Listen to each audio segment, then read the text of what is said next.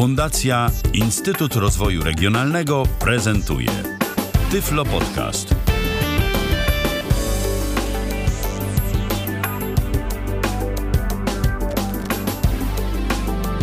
Dobry wieczór. Witam serdecznie w kolejnym odcinku Tyflo Podcastu. Ala Witek z tej strony. E, Jak zwykle cieszę się ogromnie, że zechcieli Państwo spędzić e, czas w towarzystwie Tyfloradia. E, Dziś będzie, mm, myślę, przede wszystkim na pewno będzie ciekawie. Myślę, że będzie e, też e, może odrobinkę dla niektórych z Państwa kontrowersyjnie, ponieważ będziemy rozmawiać o wideoblogu prowadzonym przez osobę niewidomą. Tak, taka ciekawostka. Państwa i moim gościem jest dzisiaj Jacek Piotrowski. Witaj Jacku. Witaj Alu, witajcie wszyscy, pozdrawiam. E, Bardzo się cieszę, że zechciałeś przyjąć moje zaproszenie, dlatego że tutaj e, staram się prezentować blogi, staram się prezentować e, twórczość pisarską osób z naszego środowiska, a z wideoblogiem nie mieliśmy jak do tej pory do czynienia, więc tutaj bardzo wnikliwie wypytamy o wszystkie kwestie związane nie tylko z tematyką bloga, ale również ale również e, z, ze stroną taką techniczną e, przygotowywania e, właśnie takiego wideobloga w Twoim przypadku. Jest to, myślę, ogromnym wyzwaniem, bo mm, i nagrywanie materiałów, i ich opracowywanie wymaga od Ciebie zapewne sporo kreatywności i również dużo zaangażowania. E, Na początek chciałabym poprosić, żebyś opowiedział trochę e, o sobie w kontekście tego, czym się zajmujesz e, i o swoim wideoblogu i oczywiście trochę o psach, które masz teraz na stanie, że tak powiem, dla tych z naszych słuchaczy, którzy nie mieli przyjemności spotkać się z Tobą we wcześniejszych naszych podcastach.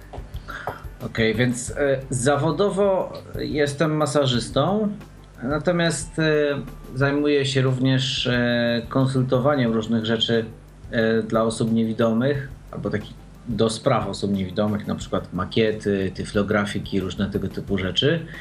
I oczywiście pasjonuję się pracą z psami, szkole psy również dla osób widzących. No i właśnie finalizuję właściwie już oficjalnie, można powiedzieć, że skończyłem szkolić psa przewodnika dla siebie, e, co właśnie e, usiłowałem dokumentować tutaj na tym e, vlogu, o którym będziemy rozmawiać. Jeśli chodzi o moje psy, mam owczarka niemieckiego użytkowego krótkowłosego, który no, to jest suczka, ma na imię Angie. I Angie jest psem do kochania, chociaż miała przeszkolenie w kierunku psa przewodnika, ale ją wycofałem. E, A obecnie posiadam również e, Kodiego. To jest biszkoptowy labrador. Obecnie ma 16 miesięcy. 21 lipca zdaliśmy egzamin na psa przewodnika. To moje gratulacje i dla Kodiego, i, i dla Ciebie. A dziękuję bardzo. E, aha, i e, z tego, co mm, można e, zobaczyć na Twoim blogu, e, pracujesz jeszcze z innymi psami. Ja o to pytam, dlatego że jest taka kwestia lingwistyczna, która bardzo mi się podoba, dlatego że widziałam chyba taki odcinek, w którym byłeś w terenie z dwoma psami, albo w każdym bądź razie do jednego z nich mówiłeś bodajże po czesku, a do jednego po angielsku, tak? E, Czy jakoś mm, nie pomyliłam czegoś? Tak, tak, to jest spacer z dwoma labami bez laski, taki film. Mhm. E, I faktycznie w naszym stadzie znajduje się jeszcze czekoladowa labradorka Daffy. Jest to przewodniczka mojej partnerki. Mhm. E, I Daffy jest e, wyszkolona w Czechach, w Brnie, a więc e, większość komend ma po czesku. Oczywiście już ma część komend po polsku, ale jeśli chce się, żeby pies szybciej zareagował, no to e, lepiej mu wydawać komendy po czesku, bo, bo ma je bardziej wdrukowane od szczeniaka. Natomiast e, jeśli chodzi o Kodiego, podjąłem taką decyzję może trochę kontrowersyjną, może nie do końca da się to jasno wytłumaczyć. Natomiast stwierdziłem, że ponieważ jest to biszkoptowy labrador i ludzie chętnie będą do niego mówić, zaczepiać, a niestety jest też taka tendencja do wydawania psom cudzącą komend typu siad, piesku, siad, chodź tu, piesku, chodź i tak dalej. Więc stwierdziłem, że będę go uczył po angielsku, zwłaszcza jeśli chodzi o takie komendy dyscyplinujące. Dlatego właśnie e, na tym filmiku jest trochę e, ciekawie, ponieważ e, do Kodiego mówię po angielsku, a do Dafi akurat wtedy Kamila była chora i poprosiła mnie, żebym wyprowadził jej psa. Mówiłem po czesku. Jasne. To kwestie lingwistyczne, że tak powiem, mamy za sobą. Gdybym mogła przez chwileczkę poprosić Cię jeszcze w takim na razie najbardziej ogólnym zarysie, żebyś opowiedział o mm, początkach, tematyce i założeniach Twojego bloga. E, ja właściwie od bardzo dawna, gdzieś jeszcze od dzieciństwa, e, zawsze chciałem jakoś zatrzymać czas e, i starałem się nagrywać różne rzeczy. Najpierw na magnetofonach kasetowych, potem dyktafonach kasetowych, potem to były już dyktafony cyfrowe, rejestratory, ale zawsze był pewien niedosyt, ponieważ mm, co prawda te chwile były zarejestrowane, mogłem sobie je odsłuchać, ale nie bardzo mogłem się nimi podzielić z kimś innym, zwłaszcza z innymi osobami, osobami widzącymi. Dlatego, że jednak osoby widzące, no 80%. Są bardziej nastawione na tą percepcję tak, obrazu, a nie Tak, tam ponad tak? 80% e, bodźców dociera poprzez zmysł wzroku. A więc dłuższe słuchanie czegoś w audio jest dosyć męczące i nie do końca przemawia do wyobraźni. Dlatego postanowiłem zbudować jakiś pomost e, i zakupiłem e, swoją pierwszą kamerę, którą mam do dzisiaj, jeszcze od czasu ją wykorzystuję. To jest Panasonic HS e, V500 i tylko jak wybierałem kamerę, to zależało mi na tym, żeby ta kamera miała dobre mikrofony stereo, tak żeby ten film był ciekawy dla mnie albo dla kogoś innego niewidomego, ale też i E, ciekawy dla osób widzących, dlatego ona ma też system antywstrząsowy. I zabrałem sobie tą e, kamerę do Gruzji w 2013 roku. Pojechałem na tydzień do pracy. Szkoliłem e, instruktorów orientacji przestrzennej i jak przyjechałem z tej Gruzji, zrobiłem film i ten film pokazywałem rodzinie, znajomym i ludzie nie wierzyli, że nagrywała to osoba niewidoma. Bo jeszcze tutaj taka mała dygresja. Mówienie o tym, że osoba niewidoma nagrywa filmy kamerą, czy ja też kiedyś się dziwiłem, jeśli jak słyszałem, że ktoś niewidomy robi zdjęcia, no wydawało mi się to zawsze trochę kuriozalne, ale ktoś okazuje się, że o dziwo można robić e, fajne filmy, tylko trzeba pamiętać o kilku mykach. Jeśli chodzi o taką kamerę właśnie jak tamta e, Panasonica, Wystarczyło sobie ją ustabilizować pod brodą i wtedy tam, gdzie ja się patrzyłem, tam patrzył obiektyw kamery. No e, nie drgał, a ponieważ pamiętałem, że mam się pomalutku przesuwać tą, ten obiektyw, e, więc e, ludzie, którzy to oglądali, nie mieli takiego uczucia, że nie wiem, kręci im się Rzuca. w głowie. Tak. tak, tak. Mhm. No.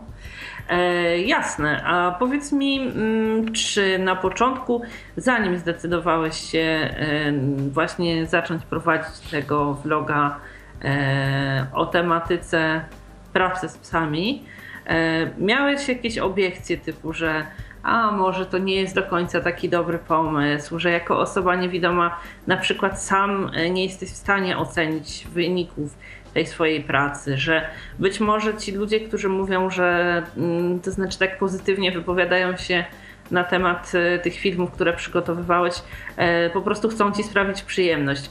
Czy nie miałeś takich e, właśnie obiekcji, takiego wahania, że no może lepiej, żeby mm, nagrywaniem i publikowaniem filmów e, zajmowały się osoby, które są w stanie jakby na bieżąco koordynować i oceniać tą swoją pracę z kamerą. Ja od pewnego czasu, od kilku lat na, bie na bieżąco codziennie oglądam namiętnie YouTube'a i mam wiele kanałów różnych zasubskrybowanych i obserwuję tych widzących YouTuberów. I naprawdę ich filmy są różnej jakości. Mhm. Od takich bardzo prostych, zwykłych, od po prostu ktoś wziął kamerę i coś nakręcił bardzo albo. Telefon. Albo telefon. po naprawdę takie super produkcje, gdzie już e, ludzie mają własne studio, mają swojego operatora, mają e, tło, na tle którego są e, filmowani i tak dalej, i tak dalej.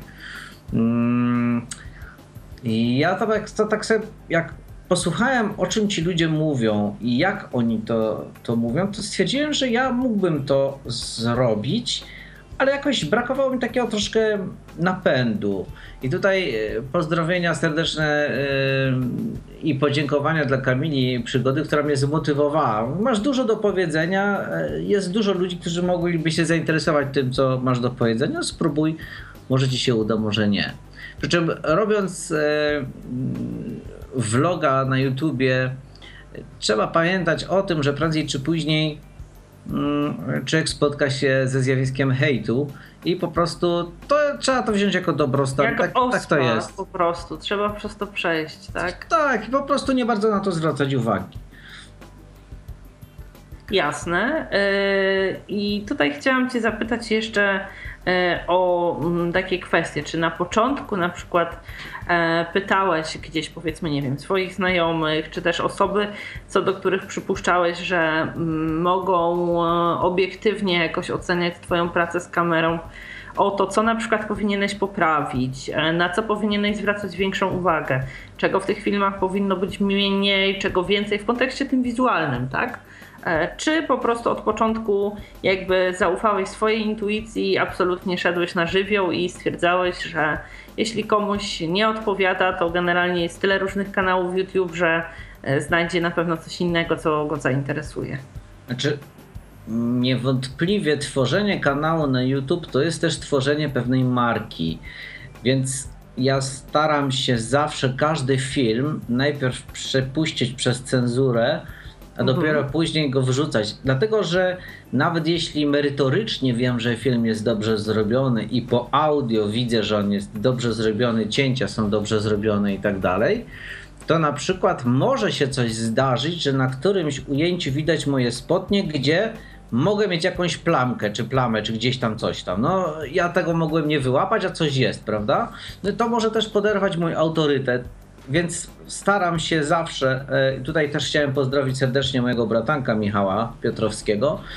E, chłopak ma 16 lat, ale jest naprawdę bardzo e, fajny, ponieważ po pierwsze potrafi, ma taką konstruktywną krytykę, czyli po pierwsze potrafi powiedzieć, co jest nie tak, albo że to jest w porządku, albo że na przykład to jest dyskusyjne, ale na przykład sobie ja mówię, ale, ale słuchaj, według mnie to jest dobrze, albo coś tam, albo też jest tak czasem, że kiedy nagrywam, no nie czasem, to jest dosyć często, kiedy nagrywam, w trakcie nagrania zdaję sobie sprawę, że coś jest nie w, porządku, nie w porządku i robię to ujęcie jeszcze raz.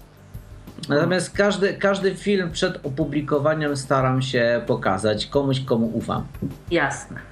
E, to teraz e, chciałabym e, przez chwilkę mm, już porozmawiać o przygotowywaniu poszczególnych odcinków w praktyce. Chciałabym zapytać, mm, który z nich, czy też przygotowanie czego w kontekście tych filmów od strony technicznej stanowiło dla Ciebie największe wyzwanie i jak temu wyzwaniu udało Ci się sprostać? Przede wszystkim problem polegał na tym, że y, kiedy człowiek pracuje z psem, to ma zajęte ręce. No bo w mhm. jednej ręce trzyma smycz, drugą w ręce ma kliker albo smaczki, jeszcze do tego dochodzi pałąk, jeśli to jest pies przewodnik. I co zrobić z kamerą? Trzeba mieć operatora. Ja, Michał jest moim operatorem, ale to jest, y, nie wiem, 10% z tego, co, co kręcę. I stwierdziłem, że muszę sam kręcić. A żeby samemu kręcić, potrzebowałem odpowiedniej kamery i dlatego zakupiłem kamerę Sony Active Camp 200. To jest bardzo dobra kamera e, sportowa, malutka, którą można przyczepić sobie do głowy na skroni E, ona ma gdzieś 10 cm długości, 4 cm 5 wysokości i ze 2-3 szerokości. Także jest naprawdę niewielka. E, I, no i nią można sobie e, filmować to, co się robi. I ja bardzo często robię tak, że ja jak gdyby zbieram ujęcia, czyli jeśli gdzieś idę, coś robię i tak dalej, bardzo często włączam sobie kamerę potem przychodzę do domu, zrzucam do komputera i sprawdzam, czy to można wykorzystać, czy nie można. E, Czyli taką surówkę masz jakby na początku. Tak, tak, tak, tak, tak, tak. I bardzo często zdarza się, teraz na przykład tworzę taki mm, e, bardzo ciekawy film i dosyć e, innowacyjny, ponieważ e, będę pokazywał świat widziany oczyma psa. Kamera jest zamontowana na wysokości barku psa i pokazuje, jak ten świat wygląda na wysokości naszych kolan. Czyli z e, perspektywy gdzieś tam psiego kłębu, tak? Tak, tak. Mniej więcej z perspektywy psiej głowy. No tak, troszeczkę, może troszeczkę niżej. To będzie dosyć interesujące dla widzącego widza zwłaszcza, bo ten świat wygląda zupełnie inaczej. Nagle okazuje się, że zwykła budka spożywcza staje się wysokim budynkiem. Mhm. I i teraz jak właśnie jak składam ten film, to widzę, że mi brakuje pewnych ujęć. E, coś sobie niestety przez przypadek skasowałem, bardzo fajne ujęcie. No i po prostu muszę pójść i zrobić to jeszcze raz. Dokręcić, poukładać ładnie i wtedy go opublikuję. Nie wiem, być może mi się uda to zrobić w ten weekend, ale nie obiecuję, bo ten film już miał mieć kiedyś swoją premierę, ale no, po prostu tak go dopieszczam, dopieszczam i, i, i chcę, żeby to wyszło jak najlepiej. Jasne. A powiedz mi, mówisz o tym, że 10% e, z tego, e, co kręcisz, e, jest opracowywane przez Twojego operatora. Jak wtedy ta praca wygląda? To znaczy, on gdzieś idzie obok ciebie, E, z kamerą, czy nie wiem, jakoś tam się odwraca e, przodem do ciebie w trakcie tego, jak idziecie, czy w trakcie, do jakichś, e, w trakcie jakichś ćwiczeń staje sobie z boku i, i wtedy gdzieś tam kręci ten materiał dla ciebie, tak? Czy jeszcze jakieś inne formy kamerowania wtedy jakoś opracowujecie? Nie, nie. Jego zadaniem jest po prostu mm, nagrywanie tego, co ja robię. I zrobienie to tak, żeby było dobrze wszystko widoczne, a jednocześnie, żeby to nie było nagrywania, nagrywane z dużej dali, ponieważ jednym z moich bardzo ważnych priorytetów jest fakt, żeby to było nagrane w dobrym stereo, tak żeby również osoby niewidome miały z tego jakąś korzyść. Więc e, można to usłyszeć na e, próbce, którą tutaj dzisiaj będziemy słuchać na temat aplikowania środków przeciw kleszczom. E, ja tam e, pokazuję do kamery e, jeden ze środków i odwróciłem go nie tak jak trzeba było i on tam się odzywa za kamery odwróć.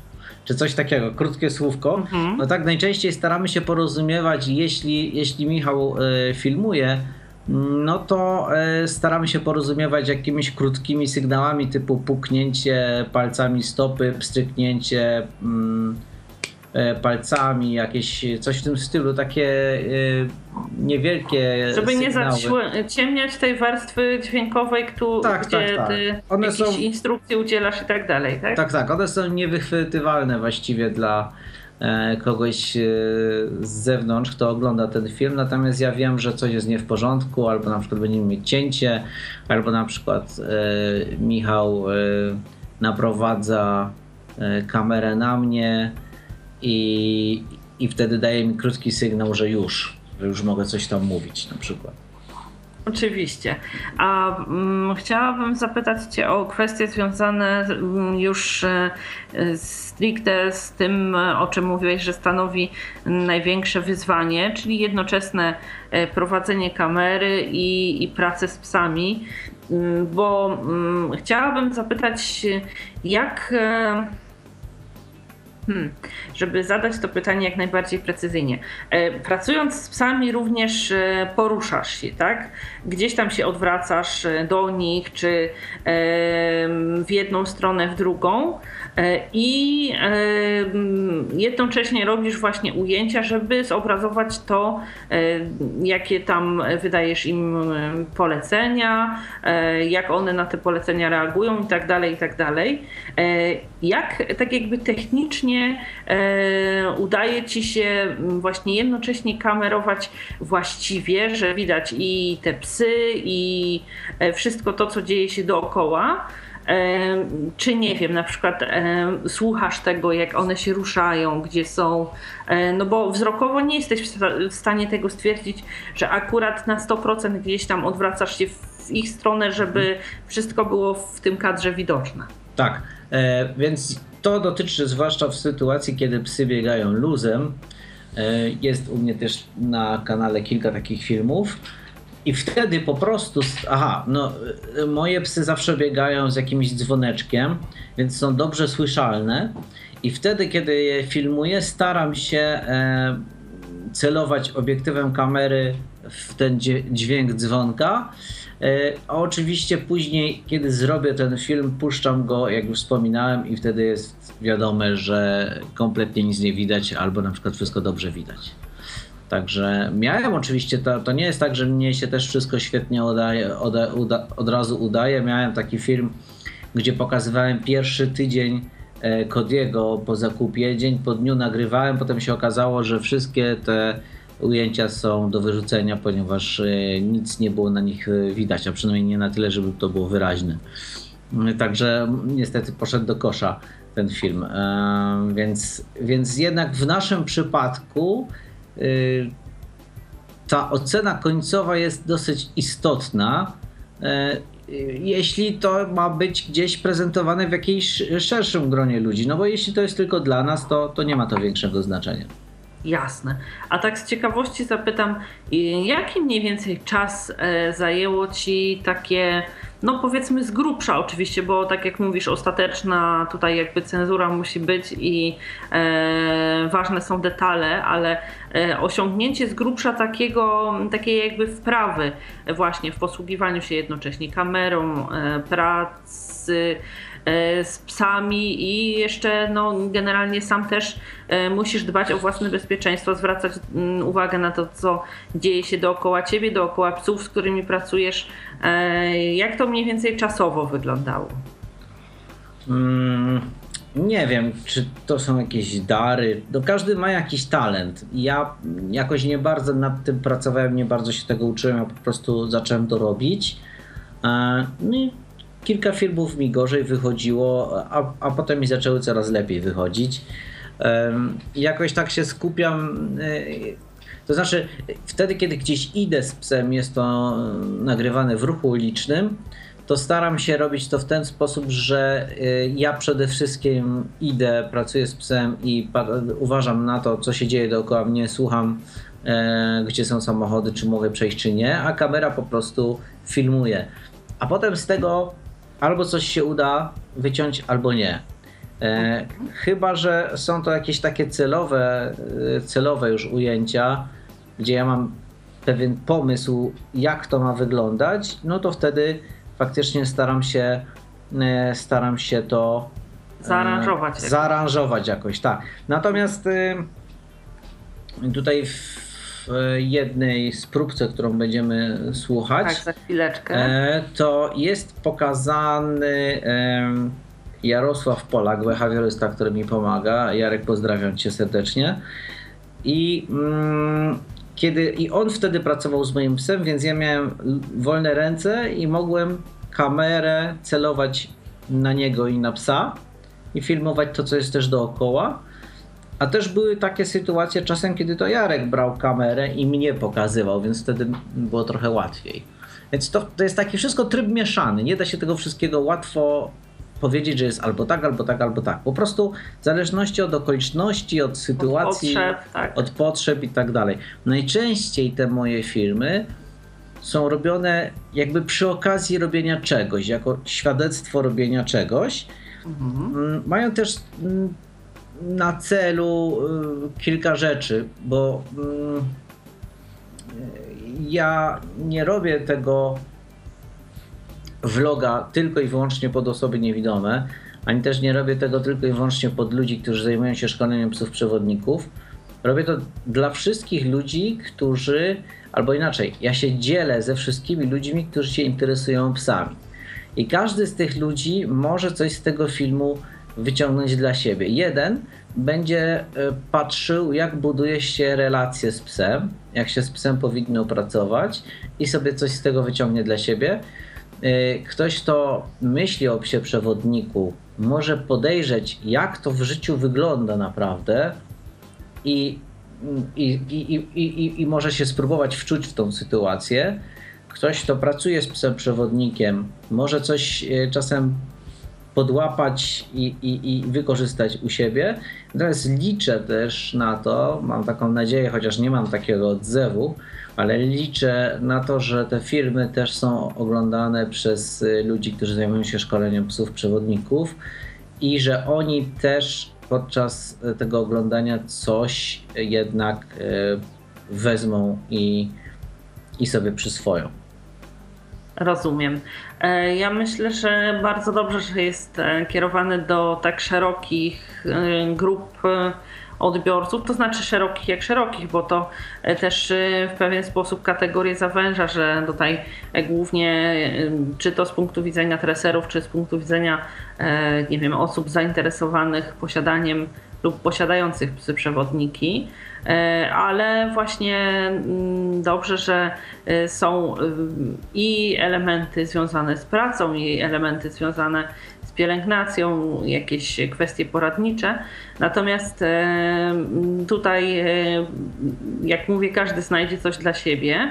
E, Za chwileczkę będą mieli Państwo możliwość odsłuchania sobie w wersji audio jednego z plików przygotowanych przez Jacka na dzisiaj, gdzie tutaj będzie właśnie zilustrowana dźwiękowo e, jego praca z psem, a do rozmowy o vlogu Psi Brat 2016 wrócimy po krótkiej przerwie. Oto Cody i Jarosław Polak, behawiorysta i trener, który mi pomaga. No i Cody na ruchomych schodach. Dzisiaj jest drugi, drugi raz. Jest może jego piąty przejazd.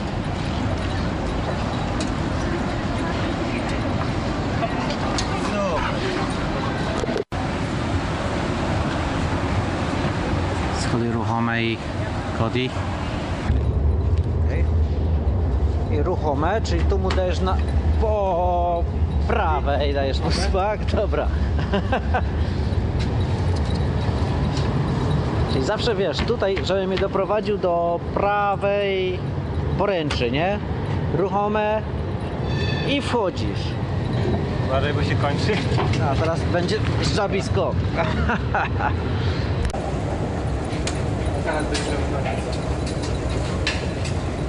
Chodzi o to, żeby pies wyskoczył bez komendy. Sam oceniając, kiedy... O, super, doskonale. Śliskie powierzchnie, ani guzki tam wcześniej naprowadzające dla niewidomych. Nie ma dla niego znaczenia. Tu już mamy te schody. Chodź.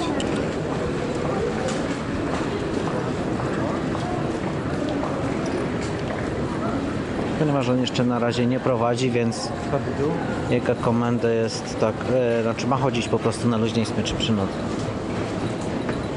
Widzicie go teraz e, specjalistycznej kamizelce psów pracujących. Dla osób niewidomych to jest e, pomarańczowa kamizelka zapinana pod brzuchem i też ma regulowany pas na klatce piersiowej. Po bokach ma napisy e, uczę się i nie przeszkadzaj, pracuję. I tak samo jest z drugiej strony. Tak, teraz się troszkę podniecił. Rozproszę. Hop, Super! No wskakujesz jak pies wyszkolony już dziesiątki razy. Brawo, super, dobry pies! I jeszcze sobie wyjdziemy to jest flirt. Okej. Brawo! Hop, hop. Brawo! Się już pospieszyłem. On przechodzi czy przeskakuje przez tą dziurę? Dziękuję. No to super. Choć będziemy z ostatniej raz i podjadł.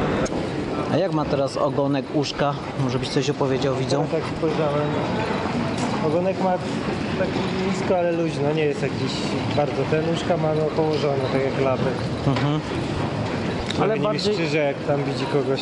Ale bardziej wyluzowany niż Zdecydowanie, zestresowany. Mhm. No. Widać, że tego trochę kosztowało emocji, ale nie jest jakiś straszny.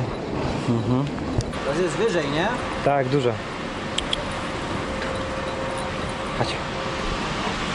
Hop. Tu. Brawo, tu. Hop. Super. brawo! Proszę bardzo. Ej, kodylek.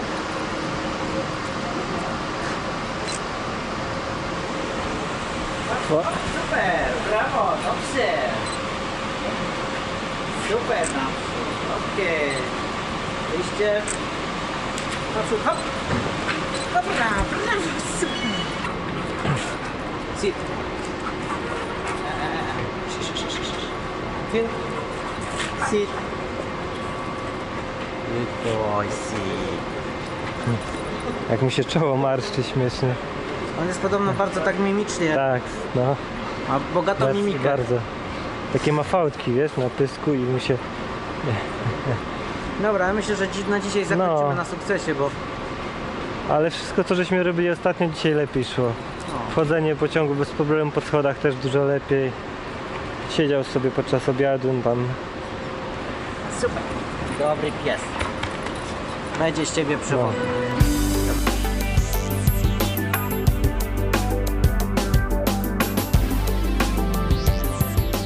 Po krótkiej przerwie wracam do rozmowy z Jackiem e, Piotrowskim na temat prowadzonego przez niego wideobloga Psi Praty 2016.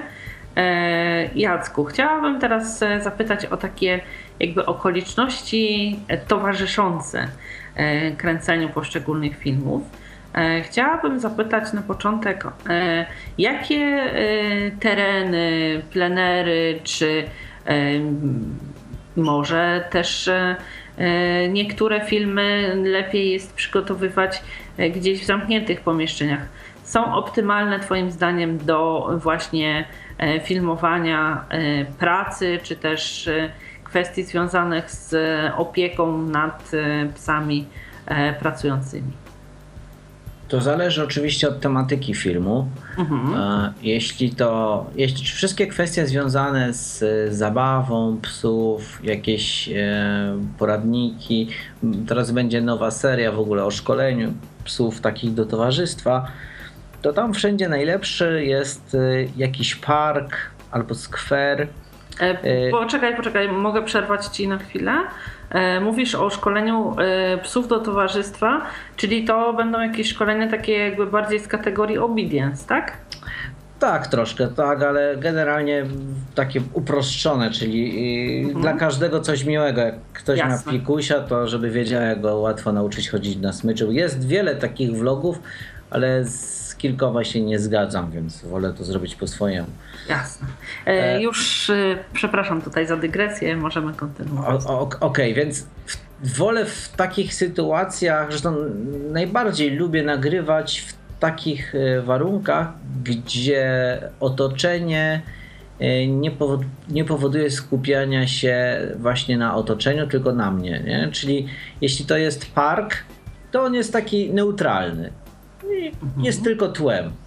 Dlatego na przykład y, nie nagrywam filmów z wyjątkiem jednego y, u siebie w domu, dlatego że chciałbym y, pewną wyłączność, czyli jakby dom jest moim, moim sakrum i nie chciałbym, żeby tutaj moi widzowie wchodzili do mojego domu, więc dlatego dom nie, w domu nie nagrywam filmów. Mhm. Staram się je nagrywać na zewnątrz albo w jakichś innych e, budynkach, lokalach e, i tak tak. Wszystko to zależy od tego, e, co e, czego dotyczy dany film. No, myślę, że, bo będę jeszcze tworzył taką serię na temat sprzętu różnego e, i na przestrzeni czasów, jak był wykorzystywany i jakie są różne nowe, ciekawe pomysły. I do tego będę potrzebował stół i myślę, że tutaj akurat zrobię wyjątek i spróbuję to nagrać chyba u siebie. Chyba, że mi się uda znaleźć jakieś inne mm, fajne miejsce, gdzie będę mógł to pokazać.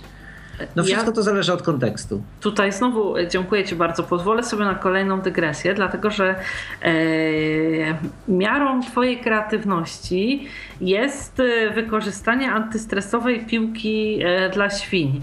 Czy możesz coś na ten temat więcej powiedzieć? Tak, to jest stresowa piłka dla świń. To jest taka piłka, która ma 30 cm średnicy. E, jest zrobiona z grubego plastiku. Eee, może jak będzie chwilka jakiejś, jakiegoś oddechu, to ja ją przyniosę i pokażę, jak ona, jak ona brzmi. Eee, I ona jest pusta w środku.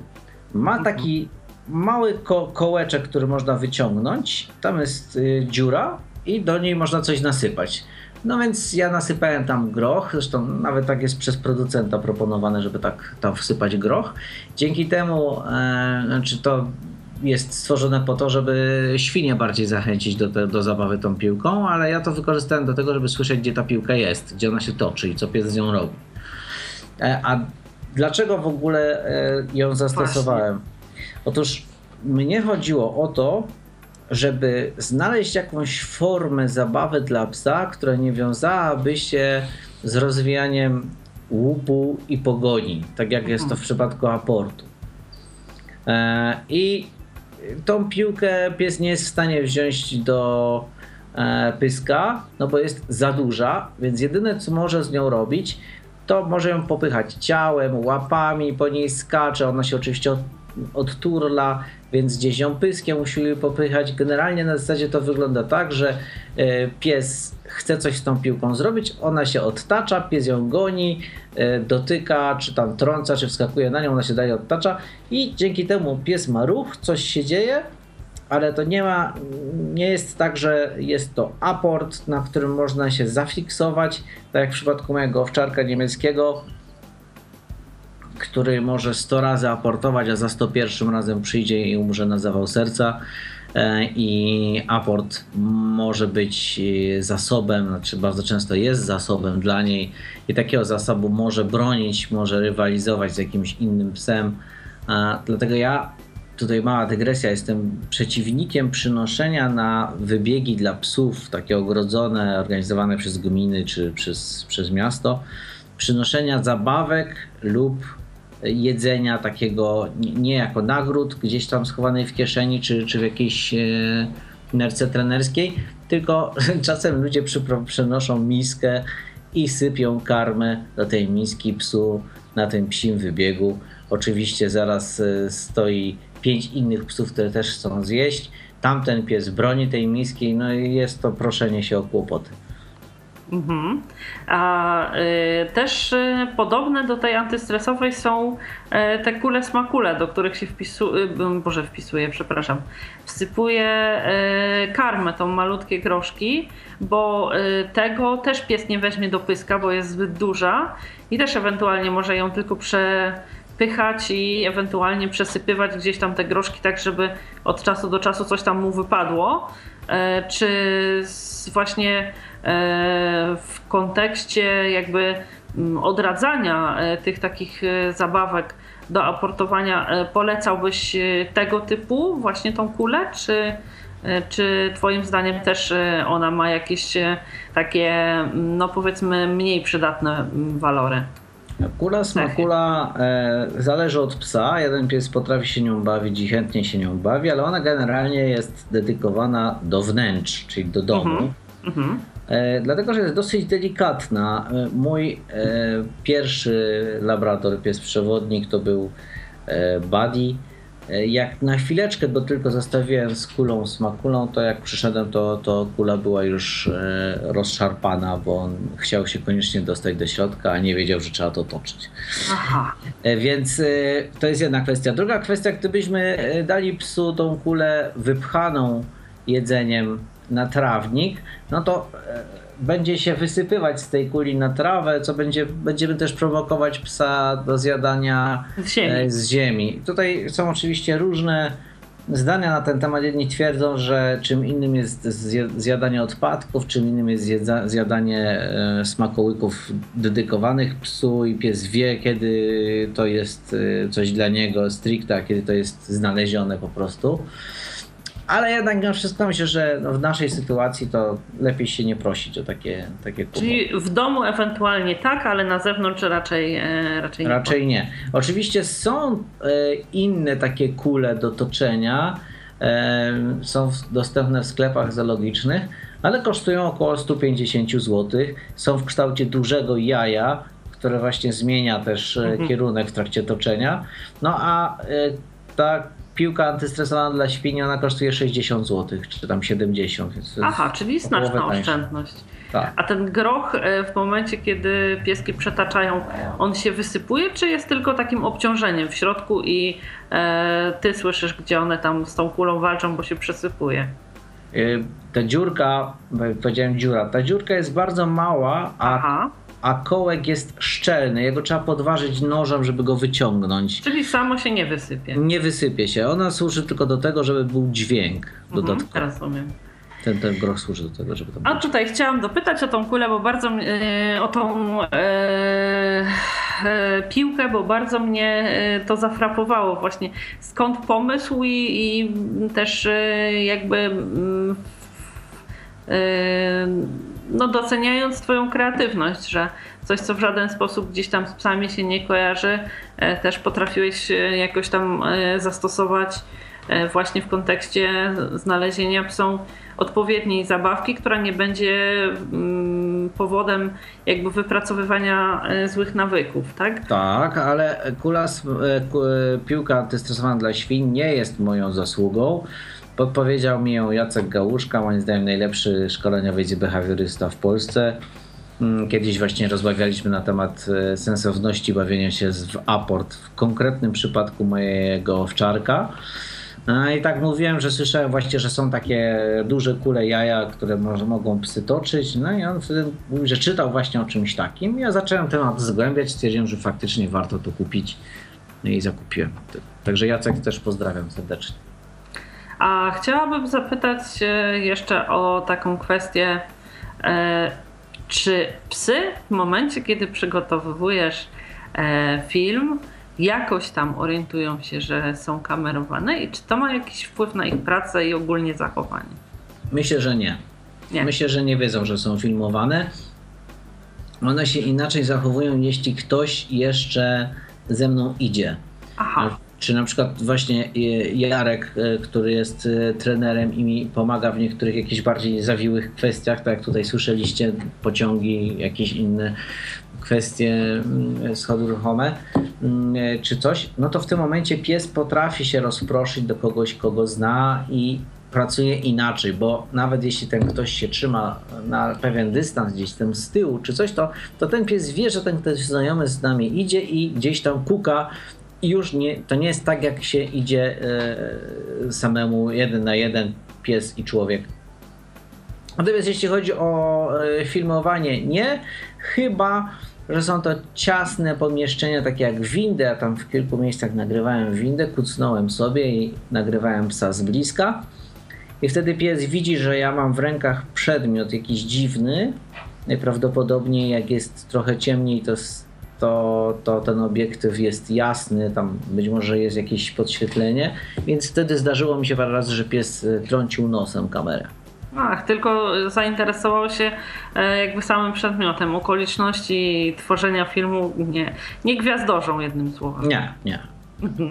E, A kolejna kwestia związana z takimi zewnętrznymi okolicznościami, to mm, jak e, jest e, Twoja praca i przygotowywanie filmów e, odbieranych, odbierane przez przechodniów, osoby, które spotykasz gdzieś w budynkach użyteczności publicznej, nie wiem, na dworcach, Czy mm, Twoja praca z psami i jednoczesne przygotowywanie filmów e, wzbudza zainteresowanie? Czy podchodzą, zadają jakieś pytania? E, Jak to wygląda w ich odbiorze? Znaczy ja rzadko robię coś ostentacyjnie.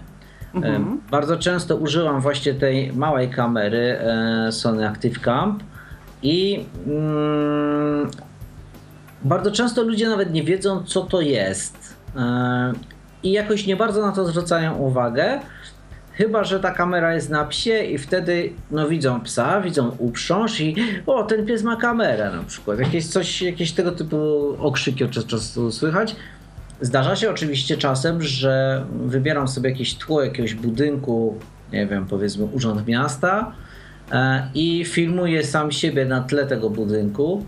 No to wtedy ludzie widzą, że ja mam coś w ręce i mówię wyraźnym głosem no to wtedy to zwracają, ale nie podchodzą, nie przeszkadzają, nie, nie wchodzą w jakąś interakcję. Czyli przyglądają się po prostu czasem. Tak, tak, tak, I, tak i czasem się przyglądają. Jak widzą, że ja chowam kamerę, to wtedy czasem ktoś do mnie podejdzie, pyta się o co chodzi. Ja mówię, a tu nagrywam taki film, bo tu jestem z psem, coś tam chciałem pokazać, jak on sobie radzi gdzieś tam ze schodami, czy coś tam.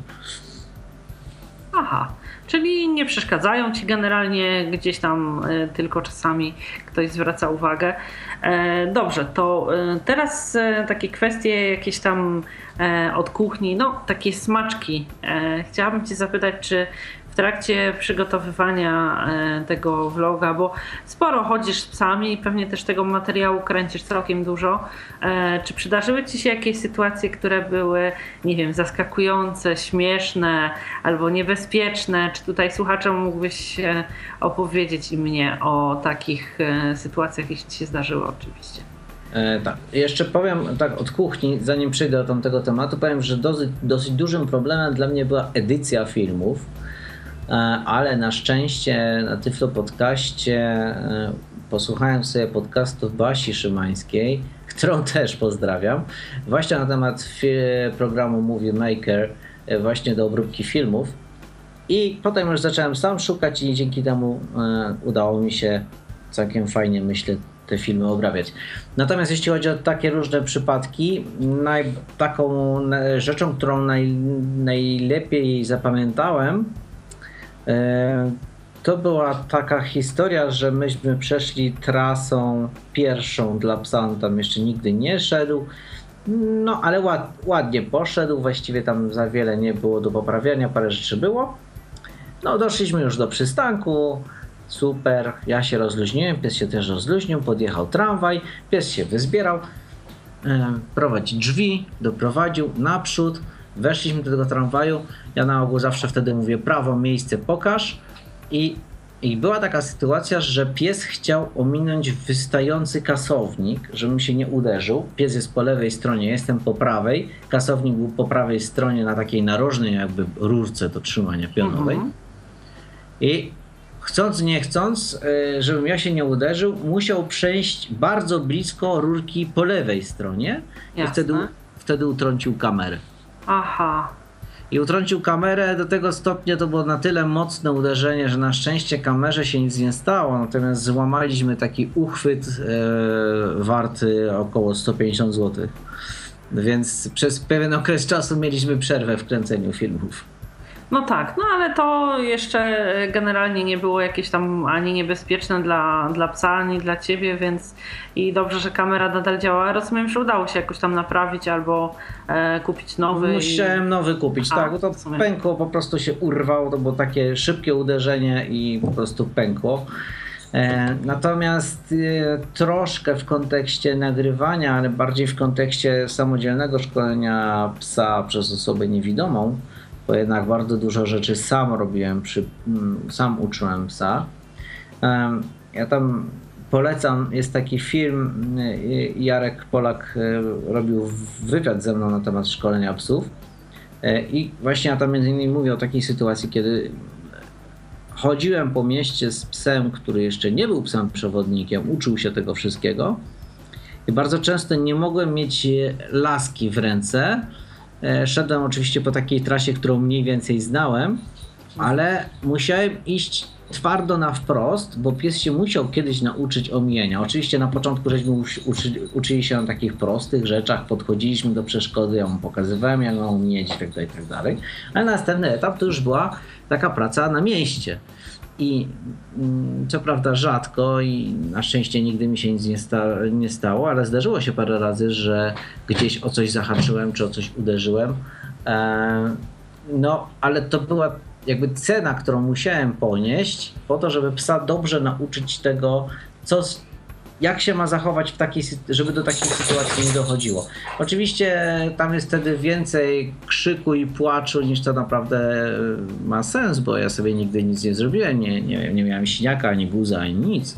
Natomiast oczywiście, ponieważ ostentacyjnie płakałem, e, no więc pies się bardzo przejął tematem e, i oczywiście następne najście na przeszkodę już było perfekcyjne. E, no i teraz bardzo bezpiecznie czuję się przy tym psie. Super, bardzo fajnie. Ale po prostu pokrywasz na emocjach, tak? Tutaj wielki krzyk, płacz, a nic się nie stało, więc... Tak, tak, ale on po prostu wie, że Jezu, Pan się uderzył. Boże, co teraz będzie? Ale zawaliłem. Ojej, ojej. Jeszcze on ma taką mimikę mm, bardzo wyrazistą. wyrazistą. I tutaj mi też opowiadał Jarek, że on jak czasem się zdarza, że coś zahacze gdzieś, nie, na przykład omijamy. Um, przepraszam. Put it lay down.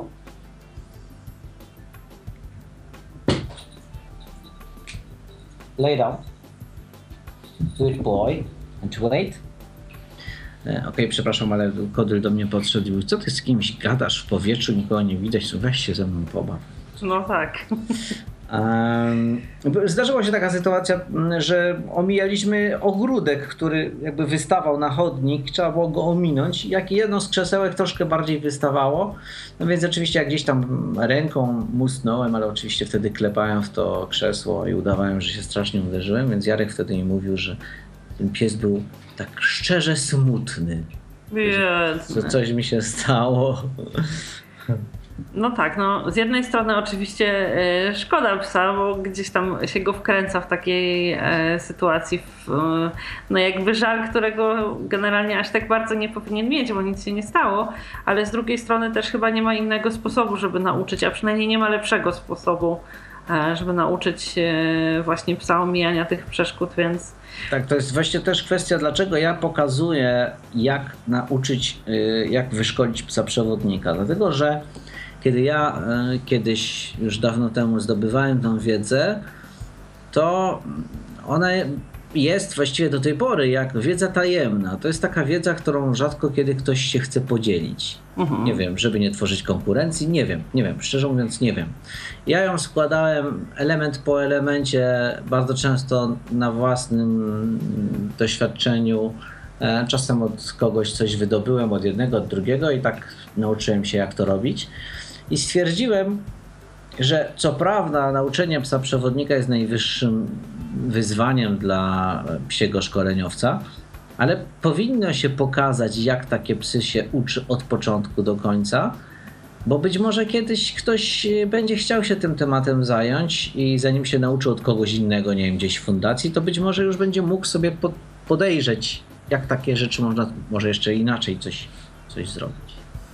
Tak, będzie też mógł mniej więcej się zorientować, e, jaki e, ogrom pracy e, będzie go czekał i też łatwiej będzie mu podjąć decyzję, czy będzie chciał się po prostu w przyszłości tym zajmować. A chciałam też zapytać o kwestie związane właśnie z tym, jakie odcinki kręci ci się najtrudniej, bo mówiłeś, że największym wyzwaniem było właśnie jakby opracowanie tej, tej warstwy wizualnej, e, a tutaj chciałabym zapytać o mm, jakby już sam, samą pracę i, i jednoczesne nagrywanie, e, które odcinki są takie wymagające jakby mm, najwięcej przygotowań na początku, największego zaangażowania. Czy to są odcinki jakieś plenerowe, czy może te, które dotyczą bardziej e, aspektów poradniczych? Nie, e, zdecydowanie aspektów poradniczych. E, dlatego, że jeśli się chce, żeby to dobrze wyszło i żeby ktoś zrozumiał, co mam na myśli, to jednak trzeba sobie gruntownie przemyśleć, co się chce powiedzieć, sprawdzić sobie jakieś nazywnictwo, wcześniej sobie wszystko przygotować. Mm, może nie robić takiego e, planu, scenariusza, żeby to pisać krok po kroku, bo to nie ma sensu, ale żeby chociaż sobie dokładnie w głowie poukładać, jak to ma wyglądać. Bo z kolei to, co się robi w plenerze, to bardzo często albo się robi kolejne cięcia, jakieś duble się kręci, albo po prostu e, kręci się ile wlezie surówkę i z niej się po prostu wycina. E, Natomiast tutaj no jest sytuacja jasna. Trzeba uważać, żeby się gdzieś nie przejęzyczyć. Trzeba się starać wypowiad- wy- jakimś e, ładnym językiem wypowiadać, chociaż różnie mi to wychodzi, ale, wychodzi, ale się staram. No, żeby myślę podchodzić z, z szacunkiem i, i, i tak poważnie do kogoś, y, kto mnie ogląda, kto zechciał zasub, zasubskrybować mój kanał, e, ktoś, kto zechciał dać mi łapkę w górę, pokazać, że do, to dobra robota jest. Także trzeba się starać po prostu, żeby tą robotę dobrze wykonać. Więc myślę, że to jest największy problem, bo oprócz tych kwestii wszystkich technicznych, no to są też jeszcze kwestie wszystkie związane z przygotowaniem się. A techniczne, no to też są e, takie kwestie, że już jeśli chodzi o na przykład, tak jak była kwestia tam aplikowania mm, e, tych e, preparatów, tam już potrzebowałem właśnie operatora, który zrobi gdzieś zbliżenie na tą sierść, pokaże jak tą sierść e, trzeba rozgarnąć, tak? e, gdzieś pokażę jak ja, to, jak ja to przykładam, e, w których miejscach jeszcze oprócz tego robię i tak dalej. Ja staram się w ogóle niezależnie od tego co nagrywam, jeśli tylko mogę, staram się też mówić co się dzieje jednocześnie, właśnie żeby też osoby niewidome miały jakąś satysfakcję z oglądania moich filmów.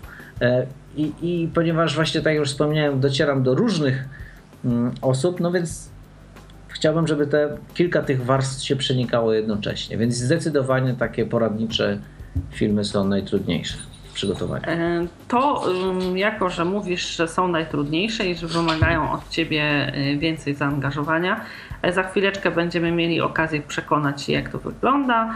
E, W praktyce tutaj kolejny przygotowany przez Jacka plik audio dotyczący właśnie jednego z odcinków poradniczych e, w kontekście aplikowania e, środków przeciw kleszczom. Cześć Wam, z tej strony znowu Jacek. Dzisiaj mm, pokażę Wam w jaki sposób można zabezpieczać psy e, przeciwko kleszczom głównie i płom również. E, mm, Mój pies obecnie ma zastosowaną obrożę Preventic o szerokim wachlarzu działania, ale ona już przeszła swoją przydatność, więc Teraz ją po prostu publicznie wyrzucamy. Teraz zastosuję w przypadku mojej sztuki, bo akurat mam Advocate o szerokim szczulcia. Paruj. Dalej, dalej.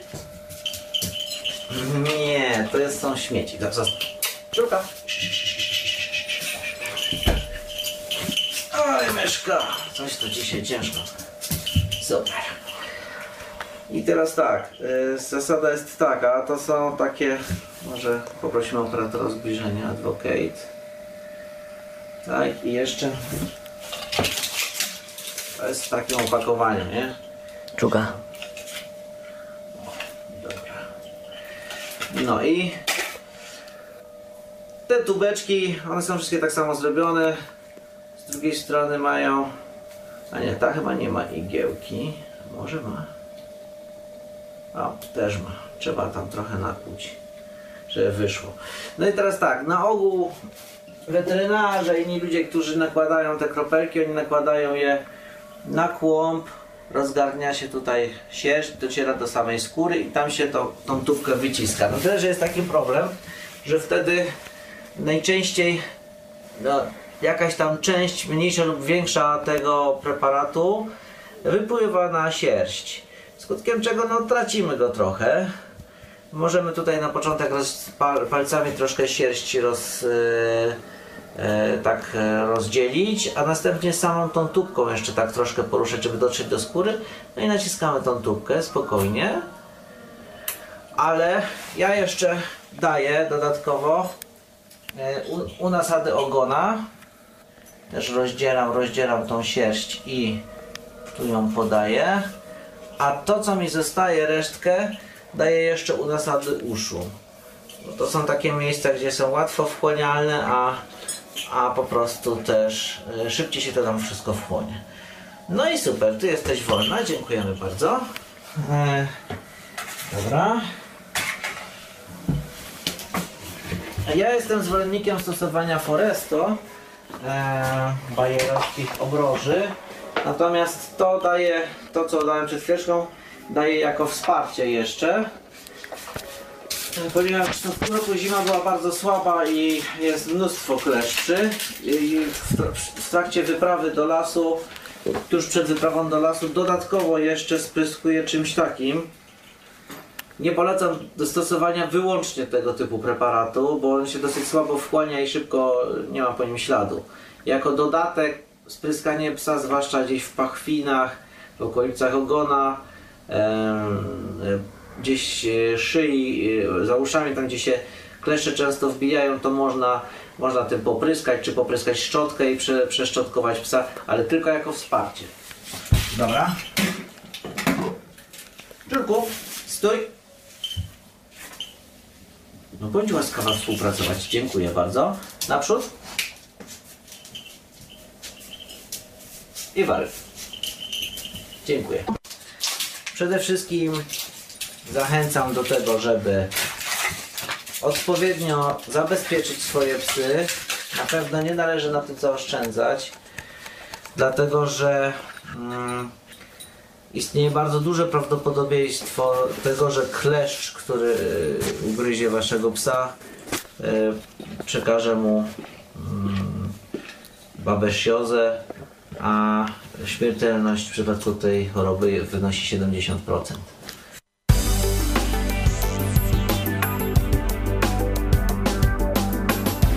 Wracamy do rozmowy z Jackiem y, Piotrowskim, przepraszam, e, autorem vloga e, Psi Brat 2016. E, Chciałabym Jacku zapytać Cię teraz o taką kwestię związaną z jakby mm, takimi mm, kwestiami gości na Twoim blogu. Czy mm, zapraszałeś, myślisz o zapraszaniu e, gości zajmujących się podobnymi podobnymi mm, jakby kwestiami jak e, twój vlog.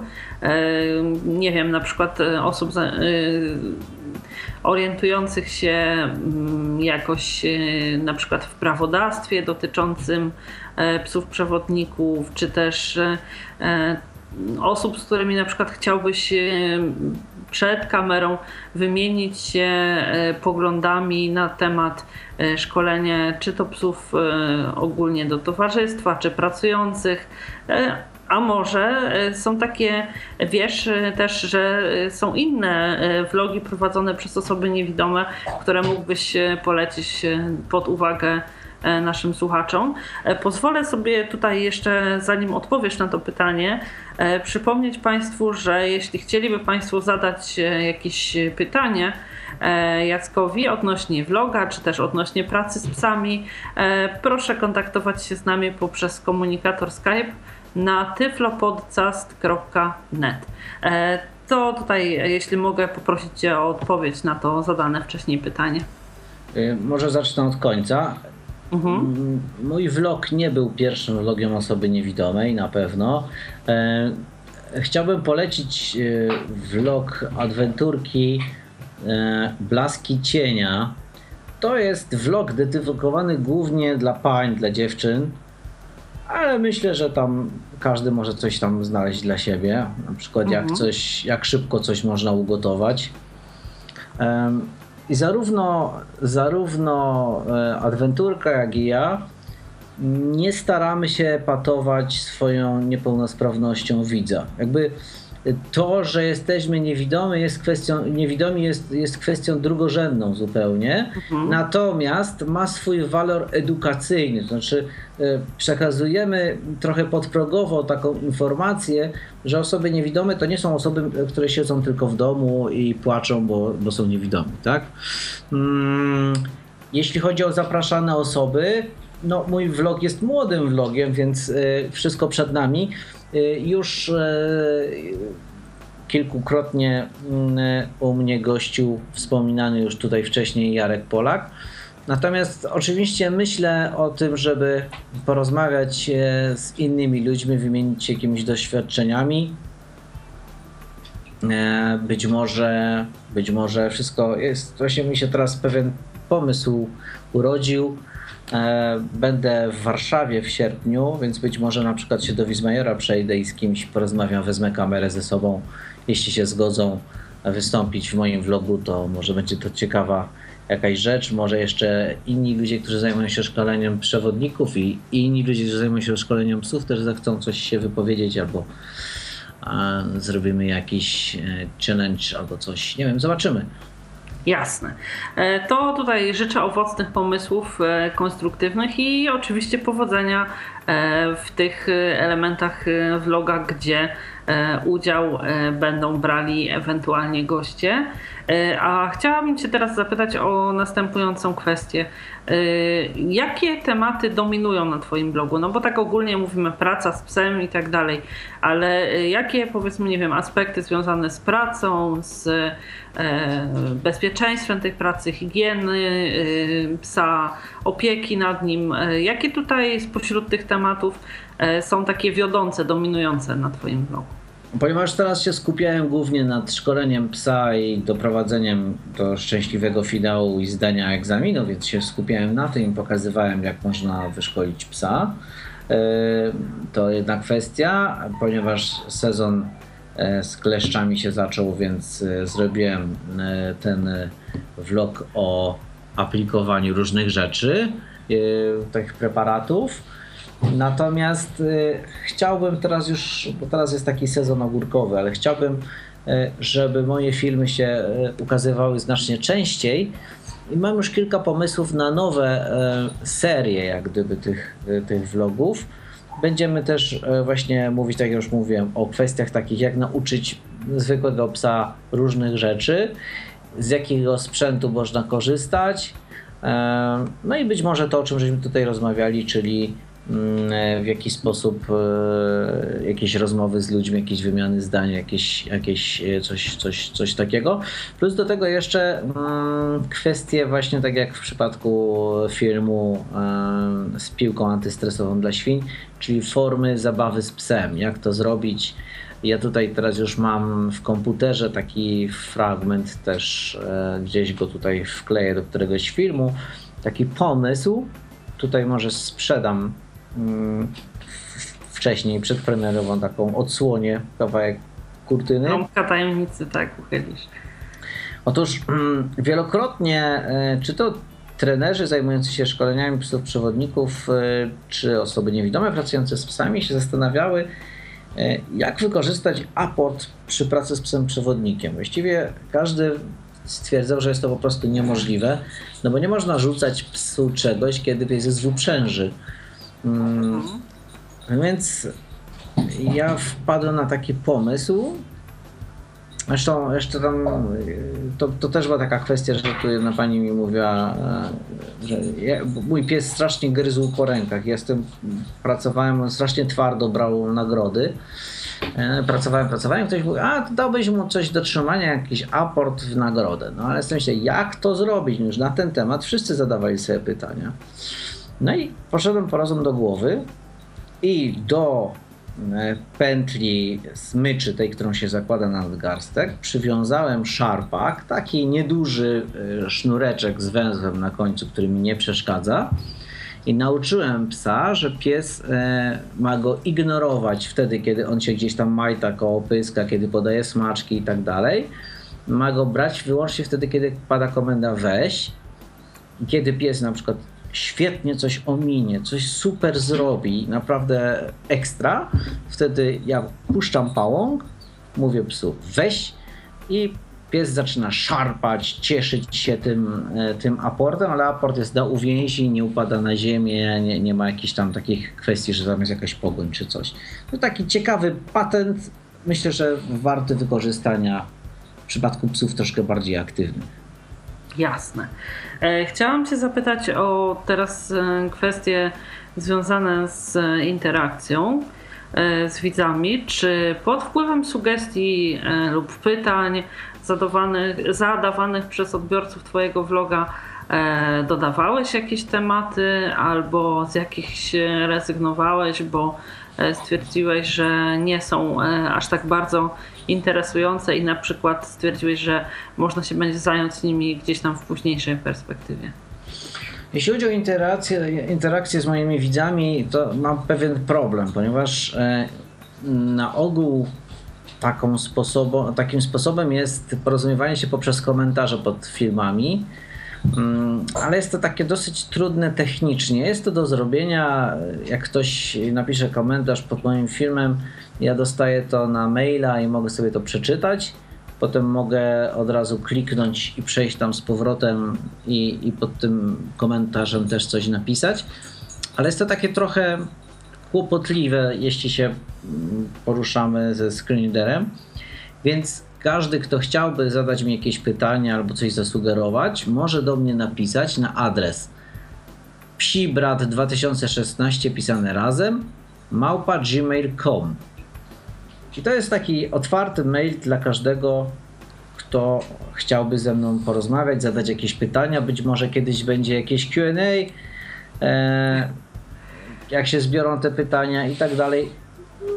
Jest to jakiś, od, jakby otwieram kolejny kanał komunikacji z ludźmi. No właśnie, o Q&A chciałam zapytać, czy planujesz i tutaj... Tak, planuję, ale żeby się tych, tych pytań jeszcze trochę uzbierało, e, ludzie też zadają mi czasem pytania poprzez Facebooka. E, mhm. No i jeśli chodzi o komentarze pod filmami, to na razie mam tylko takie komentarze, że coś jest fajne, super, ciekawe. Takie komentarze stwierdzające jakiś fakt albo to, czy się komuś coś podoba. Natomiast Może nie... dobrze. No tak, tak, to, to oczywiście ja się cieszę z każdego komentarza. Natomiast nie, nie, na razie nie miałem tam e, takich jakichś konkretnych pytań czy, czy sugestii. Jasne. E, ale e, z tego, co widzę na przykład na e, psiej grupie facebookowej, z bardzo dużym zainteresowaniem się spotkały Twoje filmy i tutaj tu akurat ludzie dopytują, bo właśnie dopytywali między tak. innymi o, o piłkę, dopytywali też o inne rzeczy jakoś tak bardziej szczegółowo, więc... Tak, tak. Właśnie ten kanał na Facebooku, on jest, jest fajny, bo, bo właśnie moż, mogę się komunikować z ludźmi, którzy się żywotnie interesują tą tematyką. E, no ale dlatego teraz robię tak, że jak publikuję nowy film, to staram się na Facebooka wklejać i link, i film. Link w sumie dlatego, że e, na Facebooku audio jest bardzo słabe, co dla osób niewidomych może być niezbyt takie jakieś fajne i otwarte. Natomiast jeśli chodzi o jeszcze kanał na YouTubie, mm, to Tworzenie takiego kanału przypomina kulę śnieżną. Im bardziej się ją toczy, tym się staje większa. Więc im więcej będę tworzył filmów, tym częściej ktoś się będzie na nie napotykał, tym częściej ktoś będzie zadawał pytania w komentarzach lub właśnie może przez e, tego maila, którego przed chwilą podałem. Jasne, to ja oczywiście jak najbardziej zachęcam Państwa e, do pisania pytań e, tutaj na Jacka maila psibrat2016 małpa.gmail.com i oczywiście też do zamieszczania komentarzy, jeśli tak Państwu wygodniej przez YouTube. Cóż, chciałam zapytać Cię, Jacku, jeszcze, gdyby ktoś z naszych słuchaczy był ciekaw, E, żebyś opowiedział troszeczkę o sprzęcie, na jakim pracujesz i o e, programach, które e, jesteś w stanie wykorzystać do opracowywania tego materiału, też może w kontekście tego, jak wygląda ich dostępność no, w przypadku użytkownika korzystającego ze screenreadera. Jeśli chodzi o sprzęt, korzystam z trzech kamer. Pierwsza to jest Sony Active Camp 200, to jest kamera sportowa, którą można przyczepić w różne miejsca. E, do niej jest wiele różnych akcesoriów, które trzeba sobie dodatkowo dokupić. Oprócz na tego przykład? Ma, e, na przykład właśnie opaska na głowę z klipsem, gdzie można e, kamerę przyczepić sobie właśnie do, na głowie, na skroni, albo zrezygnować z opaski i wykorzystać sam klips, który można przyczepić do czapki, albo można przyczepić do paska. Ja mam takie też filmy, których tutaj nie publikuję, natomiast powstanie jeszcze, teraz jeszcze, jeszcze tam nic się nie dzieje, natomiast powstanie drugi kanał Przebudzenie 2016. Tam będę publikował właśnie takie różne rzeczy, typu gdzie byłem, co robiłem, jazda konna, jakieś tam takie rzeczy, jazda w terenie na koniu i takie różne rzeczy. No, czy na przykład można też przypiąć do psa tą, tą kamerę. Druga kamera to jest e, Panasonic HS e, V500. To jest taka większa kamera, ale ona ma szerszy obiektyw, więcej światła tam do niej wpada, więc e, na przykład ją można wykorzystać na statywie. I jeszcze jedna kamera to jest kamera Sony Vario, coś tam, nie pamiętam teraz pełnej nazwy, bo ona jest bardzo skomplikowana, ale jeśli komuś by zależało, no to wtedy mogę umieścić ją w komentarzu do tego podcastu. Mhm. E, a jak wygląda kwestia z programami do opracowywania i czy e, wszystkie kwestie związane z opracowywaniem tych e, materiałów wykonujesz sam, czy czasami z uwagi na to, że jakieś elementy tych programów do obróbki plików nie są dla Ciebie dostępne, powierzasz komuś do opracowania? Więc korzystam głównie E, z programu Windows Movie Maker mm, do obróbki tych e, filmów. To są filmy w MP4 i najczęściej, znaczy w 100% sam do, dokonuję tej, tej obróbki. E, program jest dostępny dla screenreaderów, przynajmniej dla NVDA.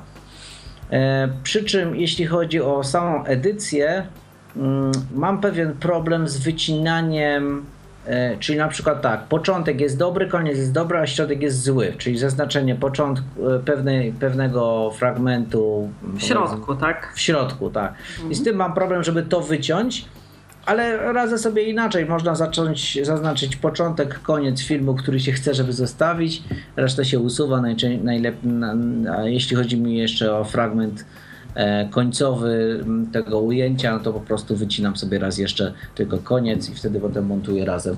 Także to akurat można samemu dobrze zrobić i montuję w oparciu o audio.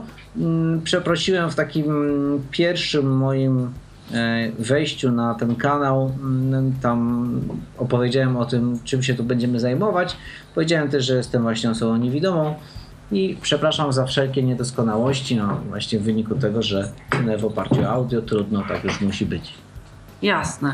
E, a powiedz mi e, tutaj e, jakieś ewentualnie wcześniej, pytam z punktu widzenia osoby, która chciałaby spróbować też przygotowywać jakieś filmy w oparciu o, może obrabiać film, filmy w oparciu o te programy, o których tutaj mówisz. Korzystałeś z jakichś e, instruktarzy, pytałeś kogoś, kto e, też z podobnego e, programu korzysta? Jak ogólnie rozpocząłeś pracę z tym, z tym programem do obróbki? Ja dosyć długo szukałem takiego programu do obróbki. Zadawałem pytania na forach dyskusyjnych dla osób niewidomych, czy to Tyflostancji na przykład, czy jakichś innych. No i dowiedziałem się właśnie od Basi Szumańskiej, że powstał podcast. E, ten podcast tutaj sobie pobrałem, wysłuchałem. Jak miałem jakieś jeszcze dodatkowe pytania, to się kontaktowałem już bezpośrednio z Basią. No i potem już metodą prób i błędów e, dotarłem do tego, że coś mi się udało raz, drugi, o super. No i już teraz wiem, jak to robić.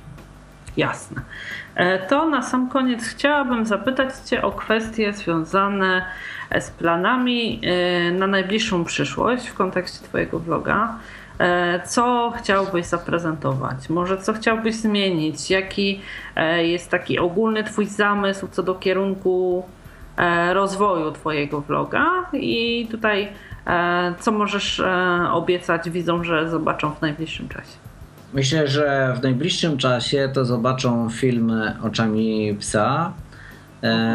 To, to, to w 100% myślę, że no do dwóch tygodni max, ale wyjeżdżam 14 sierpnia z Krakowa, więc do tego czasu muszę już ten film opublikować, więc już jest mało czasu.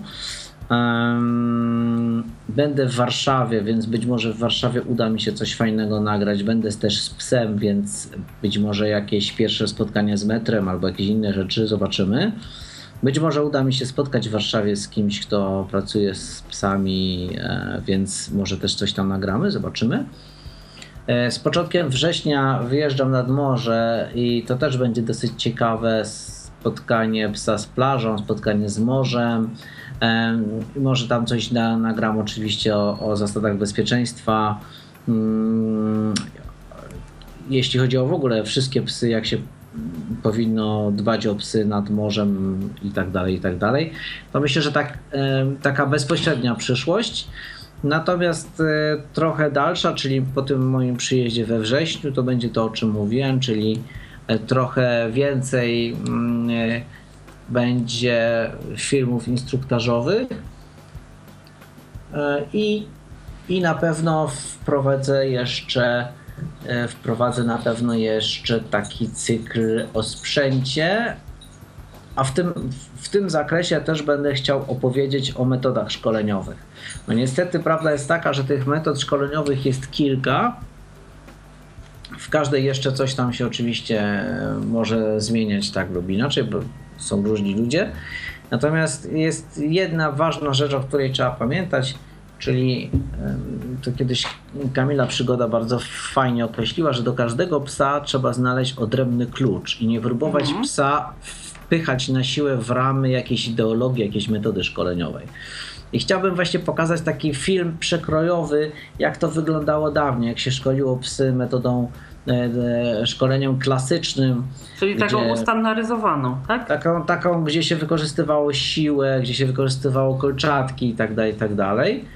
Potem e, pokażę jakby drugą stronę medalu, czyli szkolenie wyłącznie za pomocą pozytywnych wzmocnień, poprzez kształtowanie i naprowadzanie i później e, wyciągniemy wnioski i pokażę metodę kontrastową, która według mnie jest najlepsza i w tej metodzie kontrastowej oczywiście e, trzeba umiejętnie dobrać e, bodźce pozytywne i negatywne. I, no i myślę, że taki film spróbuję zrobić we wrześniu, bo, bo to jest taka ciekawa rzecz. Tylko, że tutaj też myślę, że zrobię taką trochę ciekawą rzecz, której do tej pory jeszcze też na YouTubie nie było. Czyli do części ujęć u... wykorzystam dużego pluszowego psa. Bo nie, bo nie zamierzam ubierać żywego psa w kolczatkę. Jasne. E, to tutaj e, myślę, że zarówno ja, jak i osoby oglądające Twój e, kanał i mam nadzieję, że od dziś też słuchacze Tyflo Podcastu, którzy nie mieli przyjemności jeszcze oglądać proponowanych przez Ciebie materiałów na vlogu, z niecierpliwością będziemy oczekiwali na kolejne publikowane przez Ciebie materiały. E, bardzo serdecznie dziękuję Ci za przyjęcie naszego zaproszenia i jak zwykle w bardzo ciekawy i rzeczowy sposób e, opowiadanie o, o tym, czym się zajmujesz, e, zarówno w kontekście pracy z psami, jak i w kontekście przygotowywania i prowadzenia Twojego vloga. Państwu przypomnę, że Państwa i moim gościem był Jacek Piotrowski, autor e, vloga Psi Brat 2016, do którego e, oglądania bardzo serdecznie zachęcam.